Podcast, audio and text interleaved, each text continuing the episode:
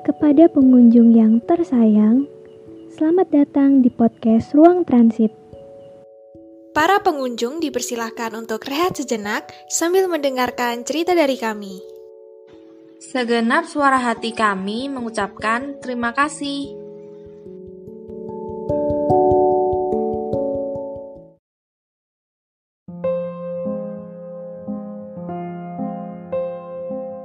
Setiap pagi bangun dan bertanya-tanya.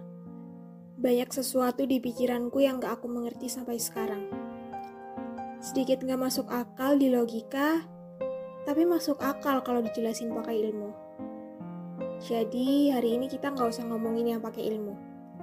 Ya karena ruang transit itu tujuannya cuma untuk berbagi cerita. Sebenarnya aku nggak mau ngebahas ini karena aku agak bingung. Tapi akhir-akhir ini, pikiranku selalu dihujani pertanyaan. Cerita yang entah dari mana asalnya, dan kebanyakan berbanding terbalik dengan realita kehidupan asliku. Andai dunia ini punya pengaturan yang masing-masing bisa kita kendalikan, aku penasaran siapa mereka yang selalu datang ke pikiranku setiap malam.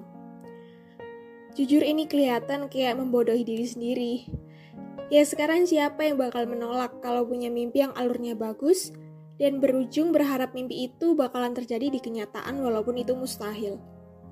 Atau mungkin mimpi kalian pernah kejadian di dunia nyata. Kalau aku sih, jujur, belum pernah. Bertemu seseorang yang bahkan sama sekali nggak kenal dia siapa, dan aku dibuat kagum karena perilakunya yang sama sekali belum pernah aku temui pada seseorang di dunia nyata. Dan semuanya berakhir ketika aku sadar dan terbangun. Alur cerita yang berdurasi pendek, namun penuh makna, dan kenapa kita hanya dipertemukan melalui sebuah mimpi.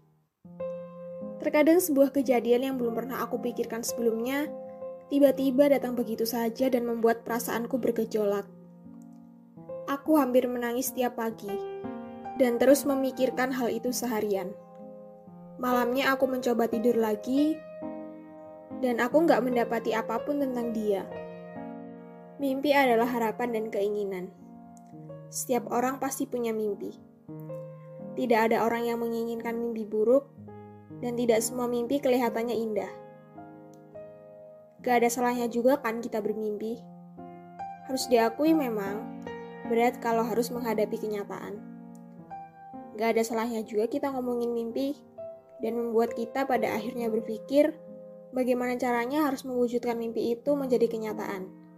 Apalagi kalau mimpi kita bagus. Kalau kamu sedang berada dalam mimpi yang gak kamu inginkan, gak usah khawatir.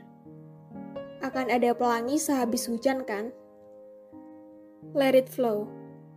Hidup itu sebenarnya nggak semonoton itu kalau kita mau meresapi setiap detik kejadian di kehidupan kita.